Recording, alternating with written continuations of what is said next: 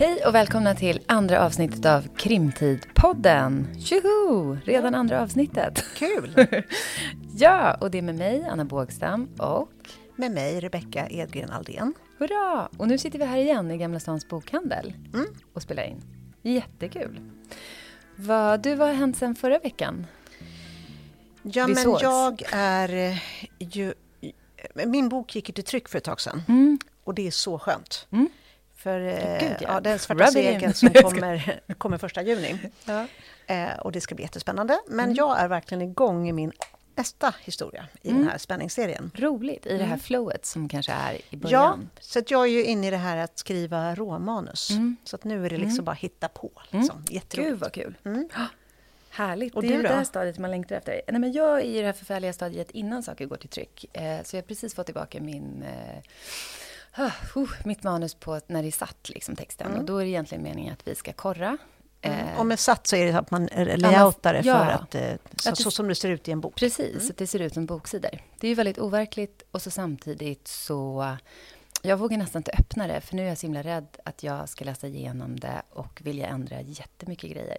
Jo, men det är då man ser det. Och det, allt det går ju att ändra så länge det inte har gått till tryck. Ja, jag vet. och det är därför som jag är nu så lättad över att det faktiskt, mitt, det, Ja. jag kan inte påverka det mer. Nej, det är både så här lättad och sen senare kanske ett trauma. Mm, Mm. Beroende jo. på hur man är. Inte Jo. just för dig, Rebecka, men för mig brukar det Jo, vara för mig trauma. också, absolut. Men jag tänker, vi ska ju träffa en enormt rutinerad författare här snart. Ja, Eh, som man tänker inte alls har de här, Exakt, de här problemen exakt. som vi har. ja, Eh, Camilla Grebe, exakt. ja, för hon är ju aktuell med sin nya bok Välkommen till evigheten. Exakt. Ska vi berätta lite kort om vem Camilla är, även om alla säkert känner till Ja, henne? men exakt. Man tar ju för givet att alla känner till henne bara för att vi gör det, höll jag på att säga. Men, eh, nej, men hon är ju verkligen en av Sveriges största deckarförfattare, tycker jag. Och har ju, ja, men precis som du sa, hon är ju oerhört ruttad. Liksom. Jag tror att hon släppte sin första deckare runt 2009. Hon har skrivit tre deckarserier, en tillsammans med sin syster Åsa Träff. En som, heter, eller som brukar kallas för Moskva Noir-serien tillsammans med Paul Leander Engström. Och sen så nu då är hon aktuell med ehm, Välkommen till evigheten som är en del av hennes egen serie som heter Flickorna och mörkret. Och det här tror jag är sjätte delen i den serien. Eh, och de här, hennes deckare har ju... Hon har ju fått så otroligt mycket priser för dem. Alltså, och verkligen väl värd. Jag tycker att hon är fantastiskt duktig. Eh, och har läst nästan alla i hennes egen serie Flickorna och mörkret. Mm. Ja, nej, men det som är så fantastiskt med dem, tycker Ja. jag, det är ju att hon... Eh, hon liksom har både och. Hon Mm. har en serie, men den är så löst hållen. Så att det är karaktärer som återkommer, men inte samma riktigt, utan det är, det är som Exakt. har sitt universum. Så det är en serie, för det vet man ju att alla Ja. vill ha just nu, Ja. att det ska vara en serie. Och ändå är de så enormt självständigt skrivna. Och både liksom till form, till val av karaktär, val av perspektiv. Alltså Miljö. Hon, miljö. Hon lek, får ju leka med det hela tiden. Mm. Hon blir väldigt både inspirerad och typ avundsjuk. Ja, för att, man, för, att eh, för oss författare, vi Mm. tänker ju mycket på det här med, liksom med läsarkontraktet, att man ska...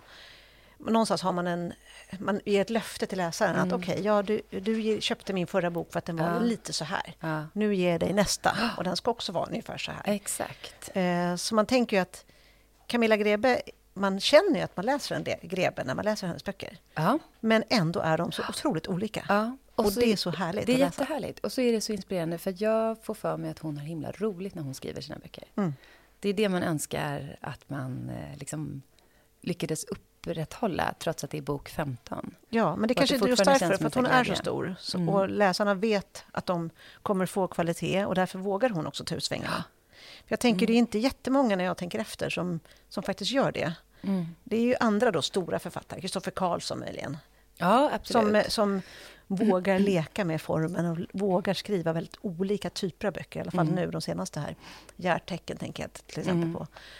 Och eh, även Tove Alsterdal har Mm. skrivit rätt olika typer av böcker. Nu har ju hon börjat med en serie. Mm. Eh, så den, den, de två böckerna följer ju ändå lite samma mönster, Mm. men de innan var ju otroligt olika. Ja. Mm. Nej, det är verkligen intressant. Ja.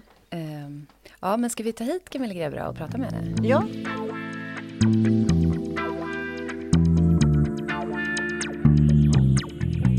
Varmt välkommen till Camilla Grebe. Tack så mycket. Eh, jättekul att du är här. Ja, vad kul att vara här. Ja, och eh, vi har bjudit hit dig därför att du är ju aktuell med din nya spänningsroman. Precis. Välkommen till evigheten. Mm.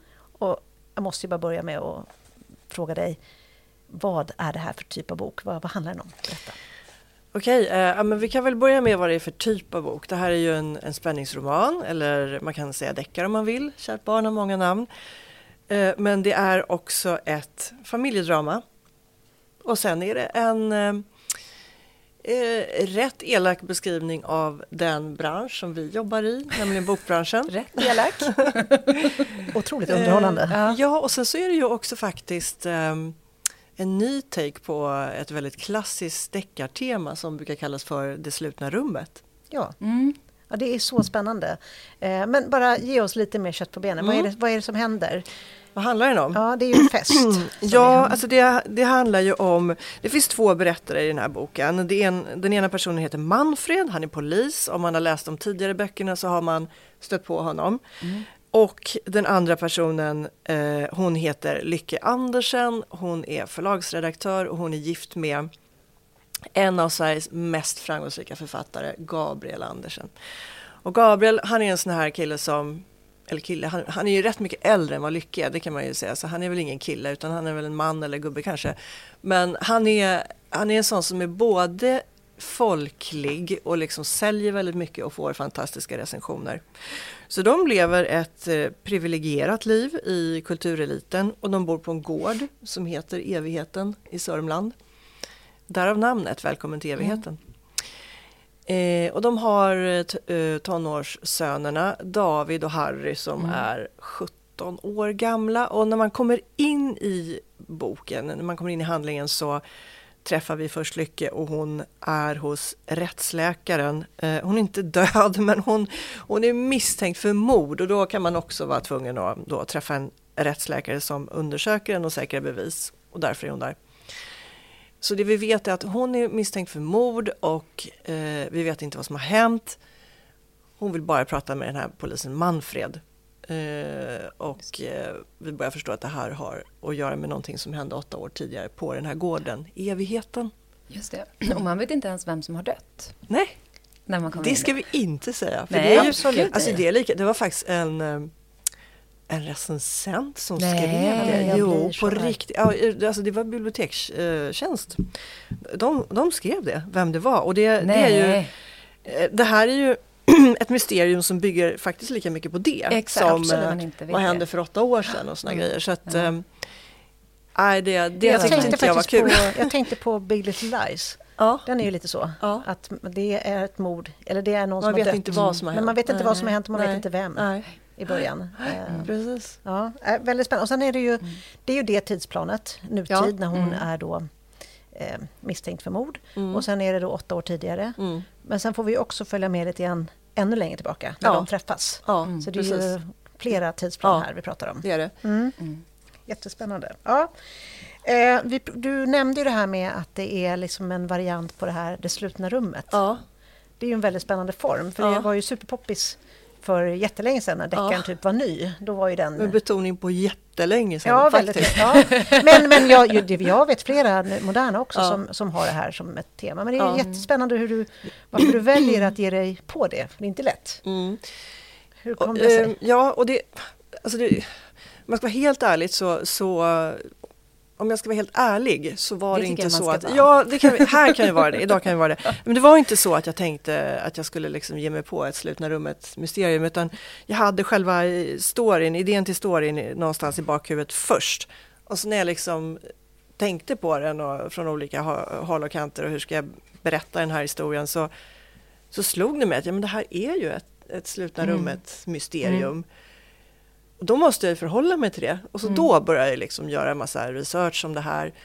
Jag läste inte alla de här gamla lite mossiga böckerna då för att som du nämnde, det finns rätt många. Och eh, man brukar nämna som den, den första boken på temat eh, Morden på Rue Morgue eh, av Edgar Allan Poe, det var 1841 eller något sånt här, tror jag, som den kom. Så att, eh, och sen kom det en väldig massa böcker på temat, men många av de lösningar, och det här skriver jag i boken också, många av de lösningar som finns på det här som fanns på mysteriet i de gamla böckerna, de skulle vi tycka var ganska löjeväckande idag. Mm. För det kunde vara såna grejer som att en cirkusartist hade kastat en dolk genom ett fönster och mördat någon. Eller Väldigt att en, konstruerat. lite, lite lätt konstruerat. En dresserad Ja. apa som har klättrat in genom skorstenen. De är också svårsålda tänker jag. ja, det är lite idag, svårsålda. ja. Men idag. du leker ju med det i boken också. Och Jag leker det med det i Ja. boken och eh, de som brottas med att försöka förstå det här då till exempel Lycke är en av de personerna. Hon läser ju om mysteriet med det slutna rummet Mm. i boken så läser hon någon form av litteraturgenomgång så, här, så jag, det är lite meta så men Och som jurist, Ja. jag är jurist då, Ja. och då snappar man ju snabbt upp att du också har gjort lite research på Ja. klassiska liksom, ja, rättsfall. Lindome där och Precis. ja precis. Det är jätteintressant. Jag har ju eh, ett gäng Mm. människor som hjälper mig med, med grejer som jag inte kan. Ja. Alltså en del böcker är ju otroligt mycket research med och Mm. då måste jag nästan nämna Skuggjägaren som handlar om kvinnliga poliser och sträcker sig från 1944 till nutid. Mm. Jag visste inte på riktigt vad jag gav mig in på när jag började skriva den boken. Det krävdes otroligt mycket research och det räckte liksom inte med att läsa in sig på grejer. Jag var Mm. tvungen att, jag fick förmånen att intervjua Mm. eh, kvinnliga poliser i olika åldrar, Mm. pensionerade också. Mm.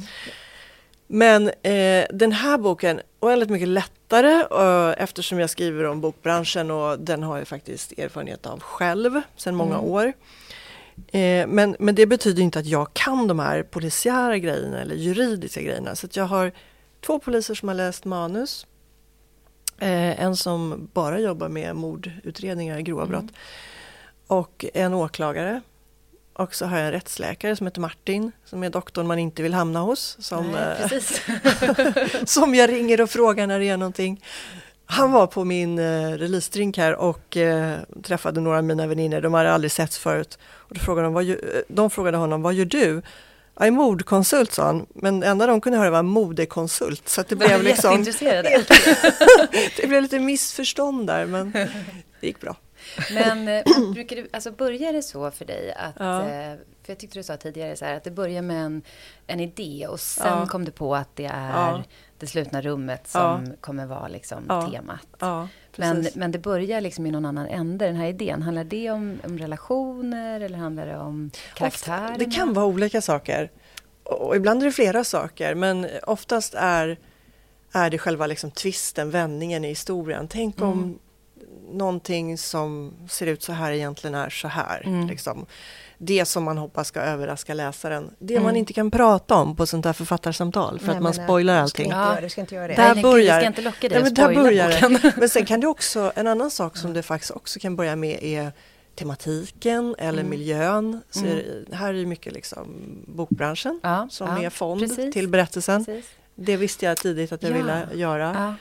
Eh, och tematik, alltså eh, en del av husdjuret var väldigt mycket om främlingsfientlighet Ja, till exempel. Precis. Och dvalan älskar jag, jag tycker den är underbar. Ja, Mm. och, så det, det, de olika Ja. böckerna har liksom ol, Ja. olika tematik. Ja, men för det är precis det som vi har pratat om jättemycket, jag och Rebecka, nu när Mm. vi har läst Välkommen Mm. till evigheten, innan vi skulle träffa dig här. Mm. Eh, och det är just det som jag tycker är så himla typiskt med, eh, eller utmärker ditt författarskap, Mm. som handlar om att varje bok, jag vet inte hur många böcker ni har läst i serien Flickorna och mörkret, men det känns som att varje bok har ett eget tema, eh, en egen form kanske, alltså att du, liksom utifrån så uppfattar man det, och det kanske man gör väldigt mycket när man skriver själv också, men som att du verkligen har hittat ett sätt att leka med Mm. liksom deckargreppet. Mm. Och de skiljer sig ju väldigt mycket åt samtidigt som de hör ihop. Mm. Jag tänker vi kan ju bara, för de som Mm. kanske inte har läst den på Skuggjägaren, Ja. som är då, följer fyra kvinnliga poliser i helt olika tidsåldrar. Mm. Mm. Eh, och där de, där de egentligen, det är egentligen som... Eh, det hänger ihop för att de Mm. eh, jagar ju samma mördare. Just det. Mm. Men eh, den är ju skriven i en helt annan form Mm. än den här till exempel. Mm. Och Mm. de andra. Mm. Alltså är det så att du medvetet så här, nu ska jag leka med formen, nu ska jag göra någonting nytt. Ja, alltså det är medvetet så tillvida att jag varje bok har jag velat skriva på det sättet som den är skriven. Men det är inte i syfte att variera formen. Det har aldrig varit ett självändamål. Nej. Utan jag tror att det handlar om att eh, jag måste utmana mig själv och jag måste tycka att det är roligt själv. Därför att annars har jag inte kul och då befarar jag att det inte blir roligt för läsarna heller. Mm. Och då tror jag att man ska tänka på att jag har skrivit två serier förut. En med min Precis. syster Mm. med fem böcker om en psykolog som heter Siri Bergman. Alltså det är deckare men Mm. huvudkaraktären är en psykolog. Och tre thrillers som utspelar sig i Moskva framförallt. Ehm, och eh, de är mer vanliga serier. Det Mm. finns en huvudkaraktär som återkommer i varje bok och sen kommer man liksom, man rör sig kronologiskt framåt i tiden. Eh, och jag var så himla trött på det. Eh, jag, ville skriva, jag ville skriva fristående böcker och samtidigt så Mm. visste jag hur, hur starkt det här suget Ja. efter, om, Serier. alltså om man har lärt känna en karaktär i en bok, hur starkt suget Mm. att få träffa den karaktären igen är. Exakt. Så jag tänkte, men kan jag hitta en kompromiss? Kan jag skriva i princip fristående böcker Mm. men länka ihop dem med hjälp av ett eh, karaktärsgalleri Mm. och kanske vissa platser. Eh, och då blev det så här. Men man blir så avundsjuk på det som Mm. författare. och då, nu när jag hör vad du säger så låter det ju väldigt logiskt att då, okej, Ja. du har gjort nu ska jag inte säga hundåren, men, men Mm. lite så här, du har, gjort, du Mm. har redan etablerat Mm. dig som författare Mm, mm, och haft de här ganska styrda Mm. eh, serierna först. mm, mm, Och sen när du redan har din publik mm, så kan du börja liksom Mm. leka med det Mm. här att både ha serier men också skriva Mm. standalone. Mm. så. För jag vet inte om det är så, därför att mitt lyft som författare kom när jag började skriva de här böckerna. Mm. Det, eh, det gick inte dåligt innan, men det, det är först nu som det har liksom gått riktigt bra. Mm. Så ja, jag tycker det är svårt att säga. Jag, jag tror ju bara att man ska göra det man, Mm. det man tycker är roligt och det man Mm. brinner för. Mm. Och det var väl lite den inställningen hade, jag hade när jag kom in i branschen överhuvudtaget. För jag har ju liksom en annan karriär bakom mig eh, med ett helt vanligt jobb. Ehm, och då tänkte jag att det jag gör här, det ska, vara, det ska få vara lustdrivet Mm. på mina villkor. Och jag ska inte kompromissa. Och, eh, och så gjorde jag det. Och ja, ju mer jag gjorde det, desto bättre blev det liksom. Ja. Men, Men jag eh, kan inte säga att det är därför, Nej. utan det bara blev så. Jag, Ja, men du har ju ändå en egen röst. Den, Ja. känner, den känner man- känner man igen från bok till Ja, bok. Så att det är ju ändå väldigt tydligt när man läser det här är en Camilla Greve. ja, och, och det, just det, det var det jag skulle ko- återkomma till, det vi pratade om tidigare här, att ehm, känner, vågar man liksom, känner läsarna igen sig? Eller tycker, blir läsarna förvirrade när man lägger upp en bok på olika Mm. sätt då? Precis. Eh, och svaret är att eh, de, de tycker inte alls att det är ett problem. Jag Mm. var jättenervös, bara sådana mindre ändringar som att i första boken så jag kommer inte riktigt ihåg, jag hade tre, fyra, fyra personer hade jag nog, fyra karaktärer som alla berättade jag-form. Mm. Älskaren från huvudkontoret. Ja, precis. Mm. Eh, och så ville jag liksom ändra på det här i andra boken och tredje boken att det var någon som skulle berätta i tredje person och det är för mig en jättestor grej då. Jag Mm. gjorde eller han Mm. gjorde liksom men läsarna märker ju inte ens det. Nej, jag vet. Eller det är klart, är man, skriver man själv så kanske man tänker på de här tekniska grejerna. ja, Men annars inte. De tyckte inte det var något problem att jag gjorde en utflykt till 40-talet. ja. Det var skönt att de Eh, är så snälla. Nej, och jag, jag utan, alltså, ja. Det var ju mycket mer så här, men, men Manfred då, får vi träffa honom igen? Ja. Eller hur har det gått med Hannes demens? Alltså Ja. sådana saker. Ja. Så att jag tror att man kan ta ut svängarna mycket mer när Men- det gäller formen än vad man själv tror när man skriver. För man blir så, man blir så anal liksom, Ja. det, att man ska följa ett, en mall Ja, liksom, eller ett format. Ja. Men kan, händer det att du har är det med någon av böckerna i serien Flickorna och mörkret som du har liksom ångrat? Att du, alltså inte ångrat på själva boken utan mer greppet. Jag tänker så här att, att man hittar något, det här vill jag hålla på med. ja, Ah, det blir ett slutna rummet-tema. ja. Eh, och sen liksom, finns det någon del i processen där du upptäcker så här, fasiken varför har jag gjort det så här svårt för mig? Varför valde jag det här? Mm. Oh, alltså, eller är det lustfyllt hela tiden? Men det är klart att det är det är klart att det är jobbigt ibland. Ja. Annars skulle jag ljuga. Ja, gud. Och, så, och min, eh, min, min redaktör Katarina brukar säga till mig att eh, men du gör det så svårt för dig själv när du bygger upp dina böcker eh, ganska på ett komplicerat sätt. Men Mm. ehm, nej, jag tycker bara att det ska vara roligt och utmanande. Jag skulle, jag skulle nog inte gå igång på att skriva Eh, och det är inget fel på den här klassiska deckaren när man Mm. har liksom en Mm. polis Mm. som gärna bor i en mindre stad sådär och så dör det olika människor i olika böcker. Mm. Det är inget fel på det. Många gör det jättebra. Mm. Och jag och Åsa skrev ju lite sådana böcker innan jag började Mm. skriva mina egna. Men Det är bara att, att jag skulle tycka det var tråkigt tror jag. Mm. För att jag har gjort det antagligen. Mm. Ja, Men det var lite inne på att det lät lite som att Ja. skuggägaren var den som kanske var mest utmanande. Eller ja den, var, in det- den var mest utmanande av det skälet att den krävde så otroligt mycket research.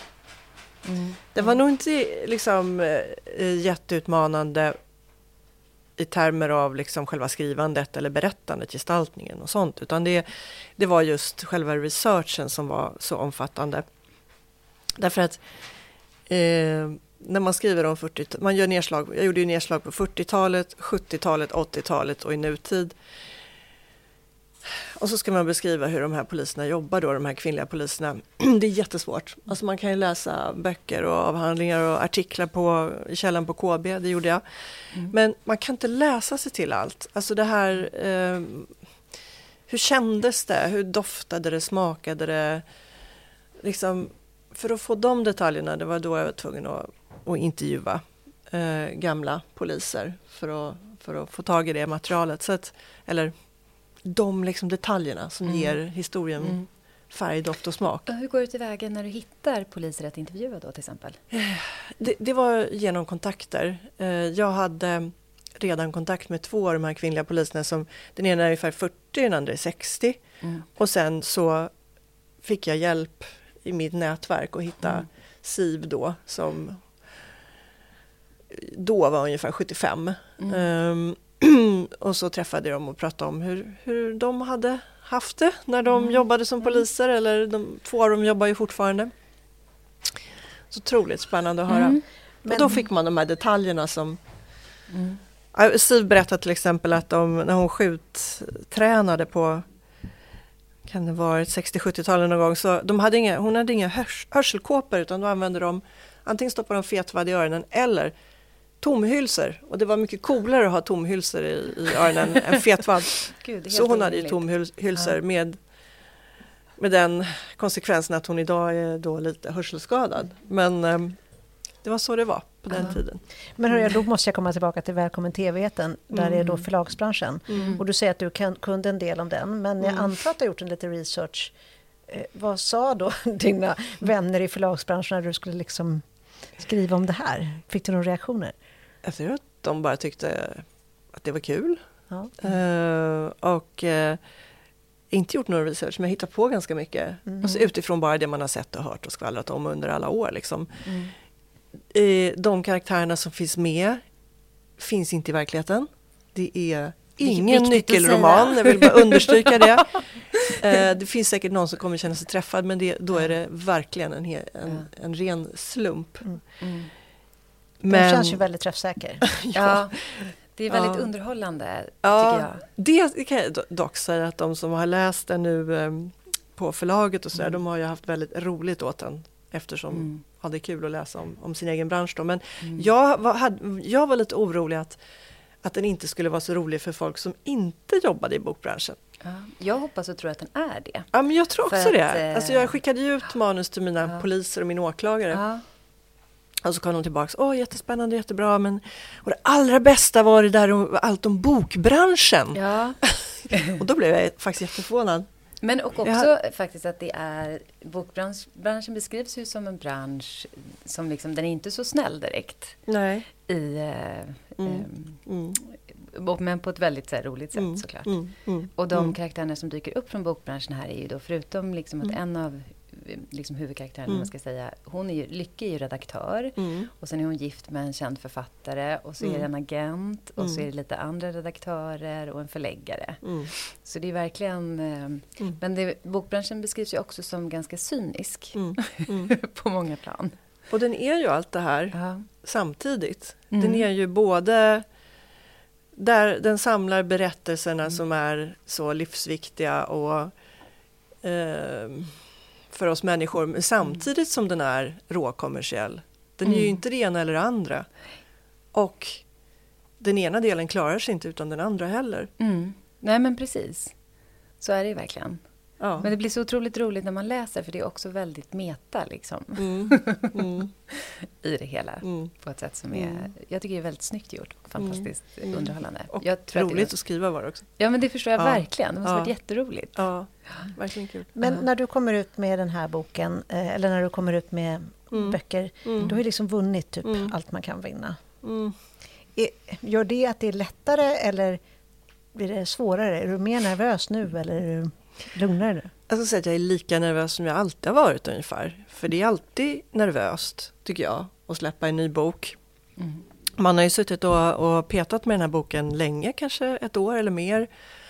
Och sen ska den möta läsarna och man, man har faktiskt ingen aning om hur den kommer tas emot. Så det är nervöst och det är, jag, jag är inte mindre nervös nu än vad jag var Nej. första eller andra gången. Ehm, ja. Mm.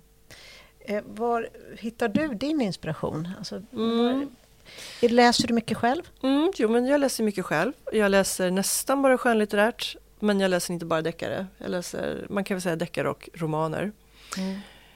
Eh, och eh, sen kan det naturligtvis vara tv och film också. Mm. Det kan vara verkligheten, verkliga brott.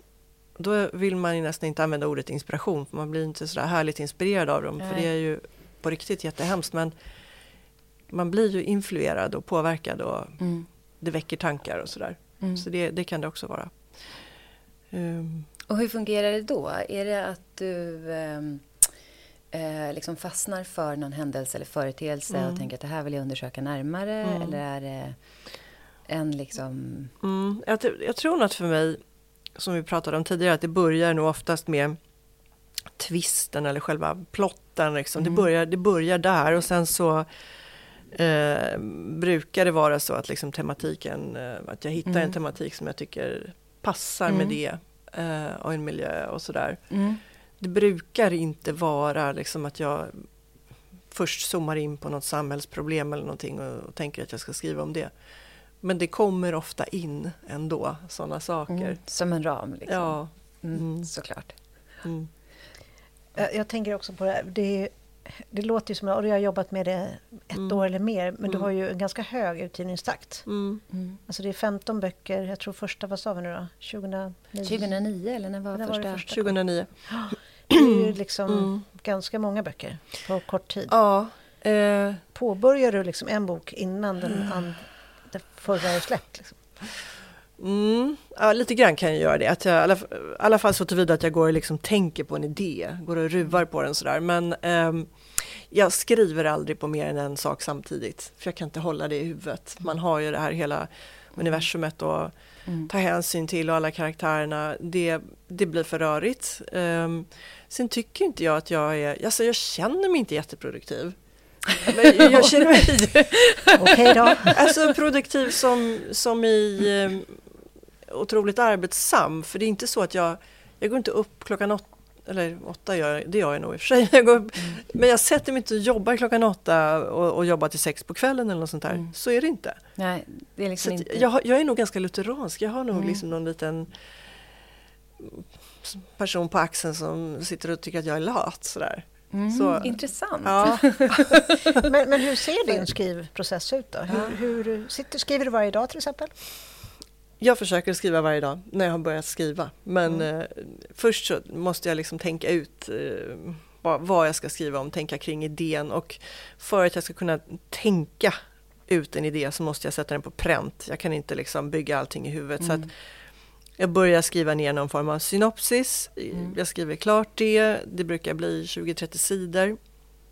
Sen bollar jag det med min, eh, framförallt min redaktör men också min förläggare och ibland min agent. Mhm. Får lite bra så här, input. eh, och sen börjar jag skriva Mm. efter det. Och när jag väl börjar skriva, ibland är det också research som måste göras innan man kan komma igång, men när jag börjar skriva så försöker jag skriva varje dag. Eh, Jag har ett eh, ambitiöst beting på 1000 till 1500 ord Oj, oj, oj. eh, som jag ibland når upp till, ibland inte. Mm. Men hur som helst så blir det ju inte mer än 3-4 timmar sådär och sen så kanske man ska svara på lite mejl och Mm. läsa Mm. någon bok själv som man tycker är viktig för att Mm.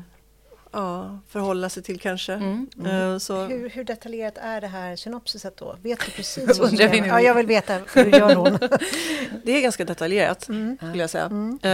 Eh, och det- jag vet precis vad som ska hända. Mm. Sen när jag börjar skriva så kan, eh, så kan det ändå bli så här ganska organiskt så att berättelsen tar lite andra vägar och karaktärerna gör lite tokiga saker eller jag slänger in någon ny person eller jag tar bort några sådär. Eh, men det är ju inte så att jag, oj det är någon annan som är mördare än vad Nej. jag tänkte från Ja. början. Alltså det händer inte. Nej. Som jag tänker kring liksom genren är ju att kriminalromaner är, de är ganska komplexa och man har det här kontraktet med läsaren som förväntar sig ett maffigt liksom, mysterium och sen ska det knytas ihop på ett snyggt sätt, Mm. den säcken. Om man inte gör det, då har man ju misslyckats som, som författare. Eh, och för att kunna göra det måste jag i alla fall planera innan. Jag vet att jag har en del kollegor som inte jobbar så, de sätter sig ner och bara skriver. Marie Ljungstedt brukar säga det, att hon, hon får lite feeling sådär. Kristina så Olsson också. Hon, ja, Oj, precis. Jag fixar inte det. Ja. Men det var också som en annan eh, Gud, skönt att författare. höra att du säger det här. Ja. Jag, jag skulle inte kunna leva utan synopsis. Och Nej, inte jag heller. Sen kan man liksom frångå det om Ja. man har goda skäl. Mm. Men Kerstin Bergman som ju Mm. skriver böcker men också är litteraturvetare. Eh, hon brukar prata om, och det är, det är väl inte hennes begrepp utan det är väl någon som har kommit på det här. Det finns två olika typer av författare. Det finns Mm. eh, arkitekten och trädgårdsmästaren. Och trädgårdsmästaren Mm. det planterar ett frö och vattnar och sen så klipper lite på den här busken och så blir den stor och fantastisk och vacker. Och arkitekten planerar, planerar, planerar och ritar och ritar och ritar. Mm. Och jag är uppenbarligen en arkitekt. Mm. Bra, det är bra liknelse där. Ja, men det är det. Alltså, ibland bygger jag, ibland väl, bygger jag om eh, eller bygger till men liksom, det är där jag börjar. Jag tror Kerstin Bergman är trädgårdsmästare. Hon är det? Ja. Ja. Ja. Det, är en- väldigt intressant. En annan så här grej, eh, tänker jag, som är jätteintressant när man skriver själv. Och jag Ja. tänker när man har haft... eh, Det här är ju liksom, du har ju skrivit så många böcker. Ja. Eh, hur gör du för att undvika att hamna i liksom slentrian eller liksom klichéer när det gäller... För jag tycker verkligen inte att du gör det. Ja. Men när det gäller gestaltning och har Ja. du liksom... För det... När man är och harvar Ja. i det här att de nickar Ja. och kastar blickar och sånt som Ja, nej. vinovisa person gör. Då tänker jag ju för mig själv så här, gud, när jag själv läser Mm. litteratur som jag tycker är bra. Ibland har jag tänkt så här, gud, här var så himla bra sätt att gestalta Mm. det här liksom beteendet eller vad som hände eller ja, Mm. vad personen kände eller någonting. Att jag nästan ska samla det i Mm. en så här egen liten eh, Mm. tjuvaktig skrivbok vid sidan Mm. om där man sparar sina, det man gillade. Och detsamma Mm. kan gälla med vissa så här, miljöbeskrivningar och sådär. Jobbar Mm. du så eller faller sig det här naturligt? Inte särskilt mycket. Alltså, jag försöker undvika att upprepa mig och det kan ju vara både alltså när det gäller handling, Mm. miljöer, språk, allt möjligt. Men sen har jag ju, och där måste man ju också ta hjälp tror jag. Och då har jag en jätteduktig redaktör som heter Mm. Katarina Enmark Lundqvist Mm. som kan ehm, peka på när, när jag liksom faktiskt upprepar mig. Och språkliga upprepningar förekommer alltid och de får man alltid Mm. rensa Mm. I manuset. Ehm, det kan vara att liksom i varje kapitel är någon som stryker en hårslinga bakom Ja. örat så här eller något. Ja. Men det, det är ju bara att stryka. Det är, Ja. det är ett mindre problem faktiskt. Men ehm, det är inte så att jag har någon sån här mapp med härliga miljöbeskrivningar eller sådana grejer. Men eh, ibland alltså när jag ser något riktigt snyggt språkligt så skriver jag ner det. Alltså Mm. En jättefin välfunnen metafor till exempel. Mm. Kan jag, Mm. Sådana kan jag spara på lite. Mm. Mm. Varför jag tycker det är roligt. Ja, Ja. det är så här nörderi som man håller på med när man skriver. Men det är, Ja. det är roligt det där att höra. Det, eh, jag tycker också du jobbar bra med, väldigt bra med miljön. Mm. Eh, när du sätter dina historier i Mm. en specifik miljö, Mm. har du då någon sån här, okej det här det finns på riktigt men att du liksom, du, det känns Mm. som att man är där. Liksom. Mm. Finns evigheten? Ehm, ja, Och du har varit där liksom, och Ja. runt och tittat? Ja. Ja, men eh, oftast så finns inte miljöerna jag skriver om. Eh, men det är mycket lättare att skriva om en miljö som finns. Därför att då bara, bara det att man har varit där gör att man liksom beskriver den bättre och att man inte tappar bort sig och blandar ihop olika rum eller vad det nu kan vara. Just evigheten är min pappas och hans sambos eh, sommarställe. det är väldigt likt. Det är väldigt likt. Jag frågade om lov, får jag använda det som Alltså och du frågade ändå om lov? Ja, men som någon sorts eh, stöd. För att jag kan orientera mig där, jag vet precis hur det ser ut. Där finns det här, de här röda husen, där, Faluröda husen. Mm. Eh, där finns hagen med hästarna, där finns mm. sjön och sjöstugan. Så att eh, jag lånade det bara så att jag liksom hade lite hjälp av det. Mm. mm. mm. Men ofta så, ibland har jag helt uppfunnit ställen. Stuvskär till exempel, en liten mm. kustort, semesterort som finns i Dvalan. Den finns ju inte på riktigt alls. Men det är väl det här om man ska liksom skriva om en riktig stad eller så, om jag ska skriva om Västerås eller någonting, då, mm. då måste jag faktiskt veta hur det, hur det är där. Annars ja. kommer vän av ordning mejla mig. Absolut. mm. Hörru du, eh, kyrkan mm. minsann mm. målades om 1973, inte mm. och så vidare. Eh, och det, det finns ju inget som men... kan uppröra människor så mycket Nej. som när det är något som inte riktigt stämmer. Exakt. Vad gäller det. Ja. Men, och sen så tycker jag det finns en annan aspekt i det. Och det är ju om man, för det är ju nära till hands att man väljer någonting som man då väl känner till. Mm. Och det är ju detta med att man också måste placera liksom mord och hemskheter i grannarnas hus och liknande. Mm. Mm. Som alltid är lite så här, det är ju lite ångestladdat att göra. När Åsa och jag skrev, min ja. syster, um, då fick vi något uh, väldigt argt brev vid ett tillfälle. Någon, en person tyckte att vi hade placerat alldeles för många mord på Järvafältet. Oj, ja, det är ändå rätt brett. Vi hade inte, vi hade inte liksom reflekterat över det, Nej. det var inte medvetet eller så, men uh. det hade väl dykt upp några orter mm. där liksom, mm. i, i böckerna. Och den här mm. personen var, tyckte att det var en klar överrepresentation av... Oj då. Ja. du som har både skrivit ja. tillsammans ja. med personer och själv. Vad är den stora skillnaden? Mm. Alltså en, en intressant grej tycker jag är att, eh, jag kan prata jättelänge om det här förstås, hur det är att skriva själv och med, an, eh, och an, med andra personer. Men en intressant grej är ju att om, du, om man skriver hälften var, om man skriver en bok tillsammans med, med någon, så är det inte halva jobbet. Nej, Som man tror. Kanske 70-80 procent. Därför att du mm. måste fortfarande ha koll på precis hela, hela berättelsen. Mm. Eh, men sen har vi de här självklara grejerna. Om man skriver själv så kan man bestämma allt, man behöver inte liksom förhandla med någon. Mm. Man kan ju vara oense om grejer och det behöver inte vara hur en karaktär ska bete sig eller något sånt. Det kan ju vara, eh, ska vi jobba på semestern eller ska vi vara lediga? Mm. Ja, just det. Bara en sån grej. Så det kan ju handla om process också, arbetsprocess. Ja. Så eh, kör man själv så, så bestämmer man ju allt själv. Eh, jag tycker att det, det är ganska skönt och det går snabbare för mig att jobba själv. Samtidigt så är det väldigt roligt att ha en, en kompis, en arbetskamrat som man mm. kan Exakt. bolla med, man kan peppa varann om man tappar sugen lite och eh, mm. man kan hålla varandra i handen om man är lite orolig. Mm. Så, eh, och man kan också, jag, jag, kan bli lite avundsjuk på det när det är sådana situationer som man själv kan tycka är lite mm. jobbiga. Kan handla om allt från att få tillbaka liksom, feedback på mm. sitt råmanus ja, till att liksom, ja. behöva läsa en recension som ja. inte är så snäll. Eller, eller sitta i en tv-soffa eller vad som helst. Ja, ja tänker jag skulle vara mycket tryggare om man var två. Liksom. men det var det ju. Det var jätteskönt att Shiron och jag gjorde det här tillsammans. Sen blir man ju lite mer rutinerad så tycker man mm. kanske inte att Ja, just det. Recensioner är fortfarande läskiga. Men, men, äh, men att få feedback från min redaktör, mm. det är det är jag liksom inte rädd Nej, men för längre. Det kanske inte är mm. samma. Liksom. Men, har du jobbat men... med samma förläggare och redaktör länge? Ja, det har jag. Eh, men inte hela tiden. Jag har eh, haft lite olika personer inne och hjälpt mig. Men eh, nu har jag jobbat sen, jag, sen Älskaren i alla fall. De senaste sex böckerna tillsammans med Sara Nyström, min förläggare och Katarina Enmark Lundqvist, min redaktör.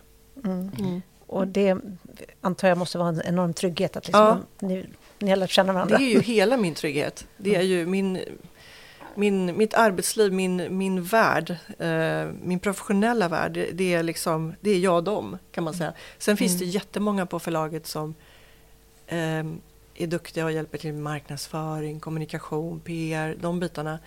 De är också fantastiska men just när det gäller själva skrivandet så är ju förläggaren och redaktören mycket närmare. Mm.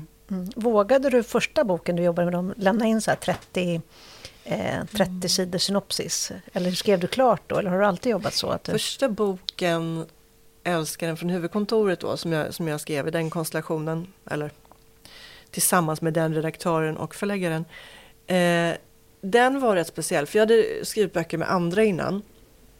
Och sen lämnade jag in första manuset och då var det bara Emmas berättelse. Eh, och eh, Emma är då en kvinna som inleder en affär med en äldre eh, man som är väldigt framgångsrik. Eh, och eh, då var, då var det bara hennes berättelse. Och sen så när, när, när de hade läst så ja men det ja, spännande, har potential, men alltså det är ganska kort. Det är ungefär hälften så långt som, som dina andra böcker som du har skrivit. Och då tänkte jag så här, men jag har alltid skrivit med andra. Har jag skrivit mm. en halv bok? Och då, hur ska jag göra det här nu då? Och då hittade jag på de här andra karaktärerna, Hanne och Peter som mm. är poliser. Och så sköt jag in dem. Så, här. så skrev jag deras kapitel och sköt in dem. Och så perfekt. blev boken dubbelt så lång. Och så blev det en hel bok. och så funkar den. Ja, det var jättemärkligt faktiskt. Så att, på något sätt så tror jag att jag, jag skrev det jag, alltså som jag brukar, en halv bok. Och så blev det mm. inte, inte... Det var din övergång från att skriva? Ja, precis. Ja, precis. Ja, underbart. Ja. Eh, vi har pratat ganska länge. Eh, men jag tänker att vi pratade med Malin Persson Jolito mm. mm. sist eh, här. Mm. Och då passade hon på att ställa en fråga till dig. Mm. mm. Så jag tänkte att vi skulle, du skulle få den frågan nu. Ja.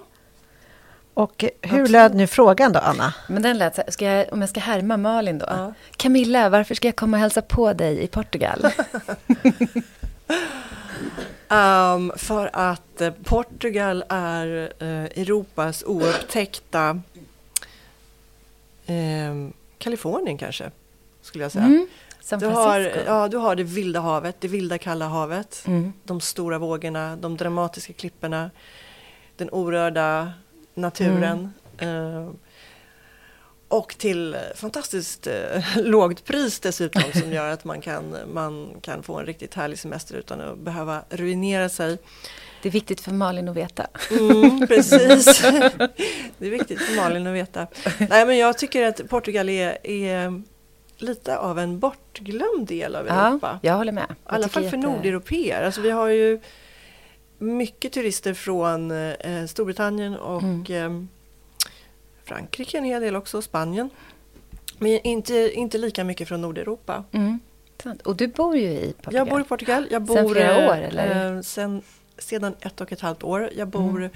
två mil väster om Lissabon ungefär, i Cascais mm. heter det. Eh, som är underbart på alla sätt. Det är, det är ja, som jag var inne på, det är naturskönt, det är, det är underbart klimat, det är trevliga människor. Det är inte dyrt heller att leva där. Mm. Um, och det tar faktiskt bara drygt fyra timmar att flyga hem. Men hur kom det sig att du hamnade där? Um, det var yngsta barnet som flyttade hemifrån och då sa jag och min sambo hade pratat jättelänge om att vi ville flytta söderut uh, och då gjorde vi slag i saken var vi tvekade lite, vi tvekade lite under en period på om vi skulle bo i Spanien eller Portugal. För jag har bott på Mallorca förut. Mm. Men det blev Portugal och det ångrar jag faktiskt inte idag. Det känns jättebra. Jag har bara en sista fråga för det. För hur funkar språket då? Kan du portugisiska? Nej, jag, ska, jag, faktiskt, jag tänker nog försöka lära mig. Men mm. portugisiskan är väldigt svår. Ehm, det är framförallt uttalet som är svårt. Jag pratar lite spanska så att jag, om, jag ser, om jag får läsa det så brukar jag mm. förstå en hel del. Mm. Men de, de uttalar det på ett helt annat sätt mm. än spanjorerna gör såklart. Um, och dessutom så är den europeiska portugisiskan nog svårare att uttala och förstå än den brasilianska. Precis. Därför att de drar ihop orden, de klipper bort en del bokstäver. Mm. Eh, vokaler framförallt som försvinner. Så att, um, jättesvårt. Mm. Mm. Jag tänk, vi ska släppa in publiken snart. Mm. Men jag vet att du har en liten fråga. Du är väldigt nyfiken på en sak som du berättade här innan. Ja, ja, ja. ja så jag tänkte vi, vi du får ställa den frågan så får vi se ja. vad Camilla ja, men precis, kan avslöja. Kan om framtiden lite. Ja, men det handlar om framtiden. Och det här tyckte jag var också så himla eh, roligt och spännande när jag läste Välkommen till mm. evigheten. För där finns det ju en diskussion mellan karaktärerna om eh, Eh, för det är ju någon av dem som tittar ganska mycket på Netflix och har fastnat mycket mm. för en serie som har blivit en jättesuccé på Netflix som heter Flickorna och mörkret. Mm. Mm. och då för ju det en osökt in på ja. frågan hur ser framtiden ut för Flickorna och mörkret? Alltså, det och för Camilla att du, Grebe. att du plockade upp den, för det är inte alla som har gjort. Alltså, Flickorna och mörkret är ju namnet på serien. Precis det mesta som står i böckerna och om man tittar på omslagen och titlarna och allting, mm. det är noga uttänkt. Men Flickorna mm. och mörkret är inte noga uttänkt. Utan det var min redaktör som kom en dag och sa Herregud, vi måste hitta, hitta på ett namn på serien. Mm. Varför då? sa jag. Därför vi måste ha det i vårt datasystem. Ja. och så, det är så, och så satt vi där och drack kaffe och så kom hon på och sa mm. det spelar ju ingen roll, det ska bara stå i systemet. Det är ingen människa som kommer se ja. det, här, det här namnet. Och nu plötsligt så är det ju ett, liksom, har det ja, blivit precis. som ett etablerat namn och så måste, man, uh måste jag då motivera varför jag har valt just det namnet. Och det, uh det fanns nog inget bättre skäl än att det vi höll på med just då, liksom, mm. som jag tror var husdjuret kanske, att det det var, en, en, det var ett av de titelförslag vi hade då. Mm. Men, Men vågar man hoppas på att det, det kan bli ja, en Netflix-serie ja, av Flickorna och mörkret? Ja, alltså, aha, du tänker så. Så tänker jag. eh, aj, alltså det, det kanske kan bli en film, en mm. spelfilm av åtminstone första boken. Ja, gud vad roligt. Så, så är det ju, men mm. eh, en amerikansk sådan. Ja. Oj, vad kul. Eh, ja, men jag tyckte bara det var lite roligt att klämma in det där för att på något sätt ge det här namnet på serien um, ett syfte. Mm. Alltså nu finns den åtminstone med i en av böckerna. Mm. Um, och sen så tyckte jag det var lite roligt då, roligt då att han som då mm. säger det här, han heter ju Olof och han är en, mm. en manlig förläggare i 60-årsåldern som konstaterar mm. att han tyckte den var jättebra. Och sen så tillägger han så här, fast det var en deckare. Ja, just det. Just det. det var väldigt, väldigt roligt. Ja. Det var också ett litet budskap där. Ja, det var också ett litet budskap. Ja. Ja men gud vad, vad spännande att höra. Eh, mm. ska vi släppa in publiken? Ja. Är det någon i publiken som har någon fråga till Camilla? Nej, men jag tänkte så här, din, finns det någon höjdpunkt i din karriär? Frågan är alltså, Aha. finns det en höjdpunkt i din karriär? Är det någon nypa i armen moment? Um, om, jag, om jag sa så här att höjdpunkten var nog, men då skulle det betyda att nu är det på väg... Åh nej, jag trodde du skulle säga krim, Krimtidpodden. nej, ja, precis. Jo, det förstås. Nej, men jag vet inte, jag tror att det har varit några sådana tillfällen som har varit helt fantastiska. Och eh, två av dem är ju när jag har fått eh, det här priset Glasnyckeln för bästa nordiska kriminalroman. Det har varit så.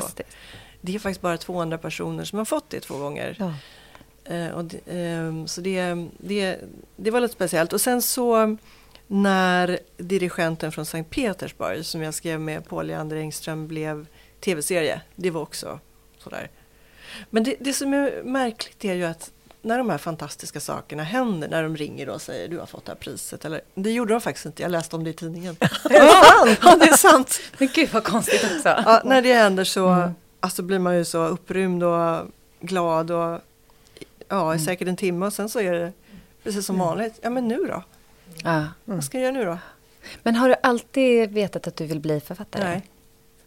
Nej, jag har alltid varit en ganska kreativ person mm. um, och jag trodde nog kanske att jag skulle hålla på med Alltså jag gick ju på konstskola och sådär. Mm. Så att jag tänkte kanske att jag skulle hålla på med formgivning eller bildkonst mm. eller något sånt. Mm.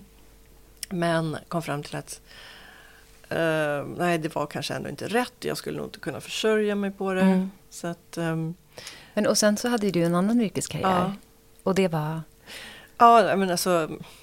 Jag är ju civilekonom i botten. Jag har mm. på Handelshögskolan mm. här i Stockholm. Men det, det är så tråkigt att prata om. Ja, jag vet. Jag var, det jag egentligen var ute efter det är verkligen att, inget spännande. Att om det kunde ja. vara så här, att man är en kreativ person och så råkar man välja ja. något väldigt tråkigt. Ja. Och då blir drivkraften att få hålla på med ja. det här roliga så himla stark. Ja, men vet du, jag tror att, eh, jag ska inte säga att det är så himla tråkigt för det finns ju Säger massa, juristen. massa fantastiska jobb. Och så, jag har ju kurskamrater som har otroligt spännande jobb. Men jag tror att jag var för otålig, och eh, liksom gick inte igång på de grejerna. Att skriva är ett hantverk och jag mm. älskar att vara hantverkare. Mm. Jag älskar hantverket. Mm. mm. Och det är väl därför man skriver bok efter bok efter bok. För en bok kan ju alla skriva som Olof säger i den här boken. Mm. Men, Exakt. Eh, det vill jag att alla ska ta med sig. Ja, kan, men, men just om man gör det om och om igen, var, varför gör man det då? För det är ju inte för pengarna, det kan man konstatera. Och inte för att det är så glamoröst heller, för det är Nej. det inte.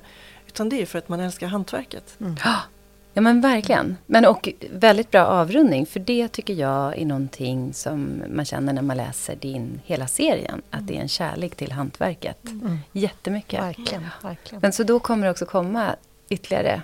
Ja, det kommer fler böcker. bra. Har vi några fler frågor? Kommer, ja. kommer det utspela sig i Portugal? Kommer det utspela, kommer det utspela sig i Portugal? Eh, jag tror faktiskt inte det. Jag tycker att eh, jag känner mig väldigt svensk. Och eh, jag känner också att det finns en förväntning från många läsare, inte minst de som jag har utomlands. Att jag ska skriva om det svenska på något sätt. Men det är klart, man ska aldrig säga aldrig. Och jag har ändrat mig förut och rätt vad det är så får jag en jättebra idé. Och, och, de kan ju åka på Portugal till Portugal på semester mm. eller någonting också tänker jag. Det behöver ju inte vara mm. som att det blir som Malin kommer göra. Ja, som Malin snart ska göra, precis. Exakt. Kan det vara en kvinnlig författare? Ja, som... ja så kan det vara. Ja, det är bra. Mm. Ja. ja, men då så. Då tycker jag vi tackar Camilla Grebe. Mm. Jättetack, stort tack för att du kom hit. En liten applåd. Ja. Och stort tack till Gamla Stans bokhandel. Precis. Och mm. jättestort tack till publiken för att ni kom och lyssnade. Ja, tack för att jag fick komma hit. Tack.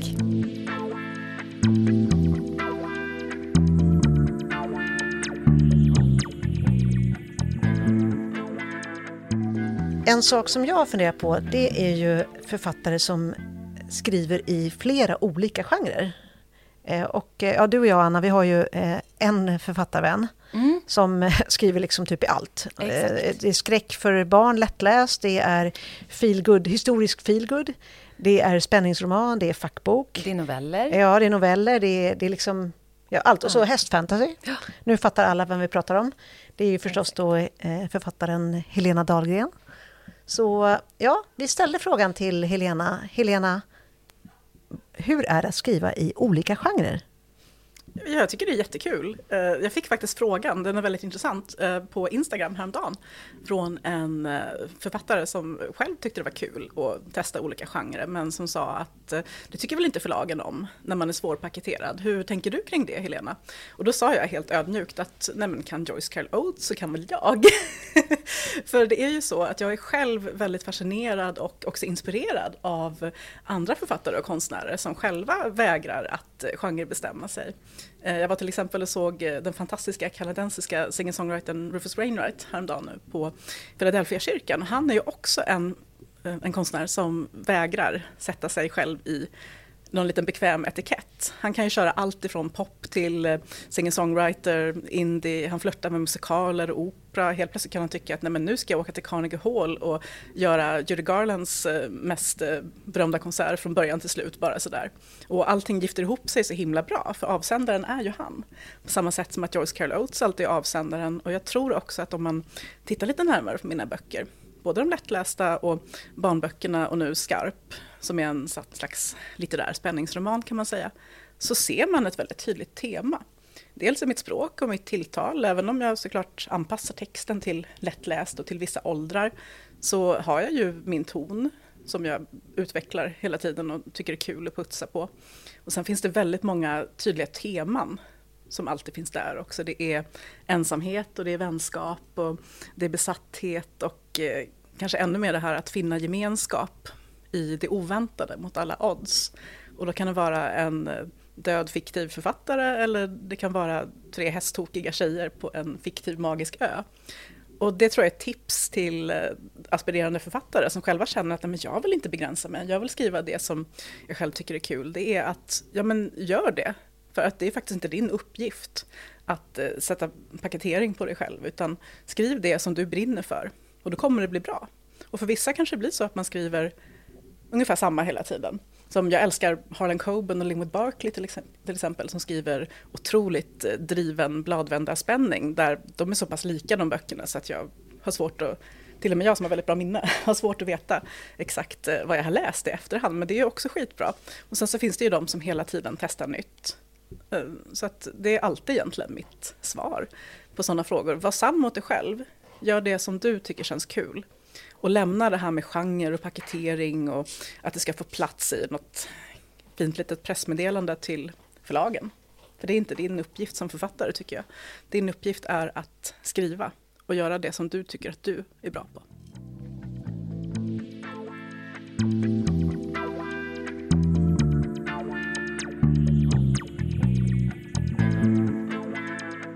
Vad spännande det var att höra Camilla Grebe berätta om sitt eh, författarskap. Eh, hur hon utmanar sig själv hela tiden. Så inspirerande! Jätteinspirerande. Man blir väldigt pepp på att skriva själv. Ja, och sen om två veckor så sitter vi här igen i Gamla Stans bokhandel och har ett nytt avsnitt som vi spelar in. Det stora debutantavsnittet. Exakt! är det så roligt? Och då har vi bjudit hit Linda Ståhl och Claes Ekman. Det ska bli jättekul.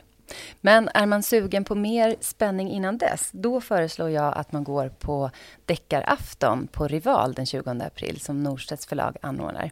Och är man sugen på det, då går man in och använder kampanjkoden KRIMTID på biletto.se. Krimtid med stora bokstäver. Då får man rabatt på biljettköpet. Jättebra. Vilka författare är med där? Då? Ja, det är David Lagerkrans, Emily Schepp, Anna Jansson. Och den viktigaste av allt, Anna Bågström. det också. Då får man träffa mig där. Ja, och eh, tills dess så gå in på vårt Instagramkonto, Krimtidpodden. Ja! Hej då! Hej då!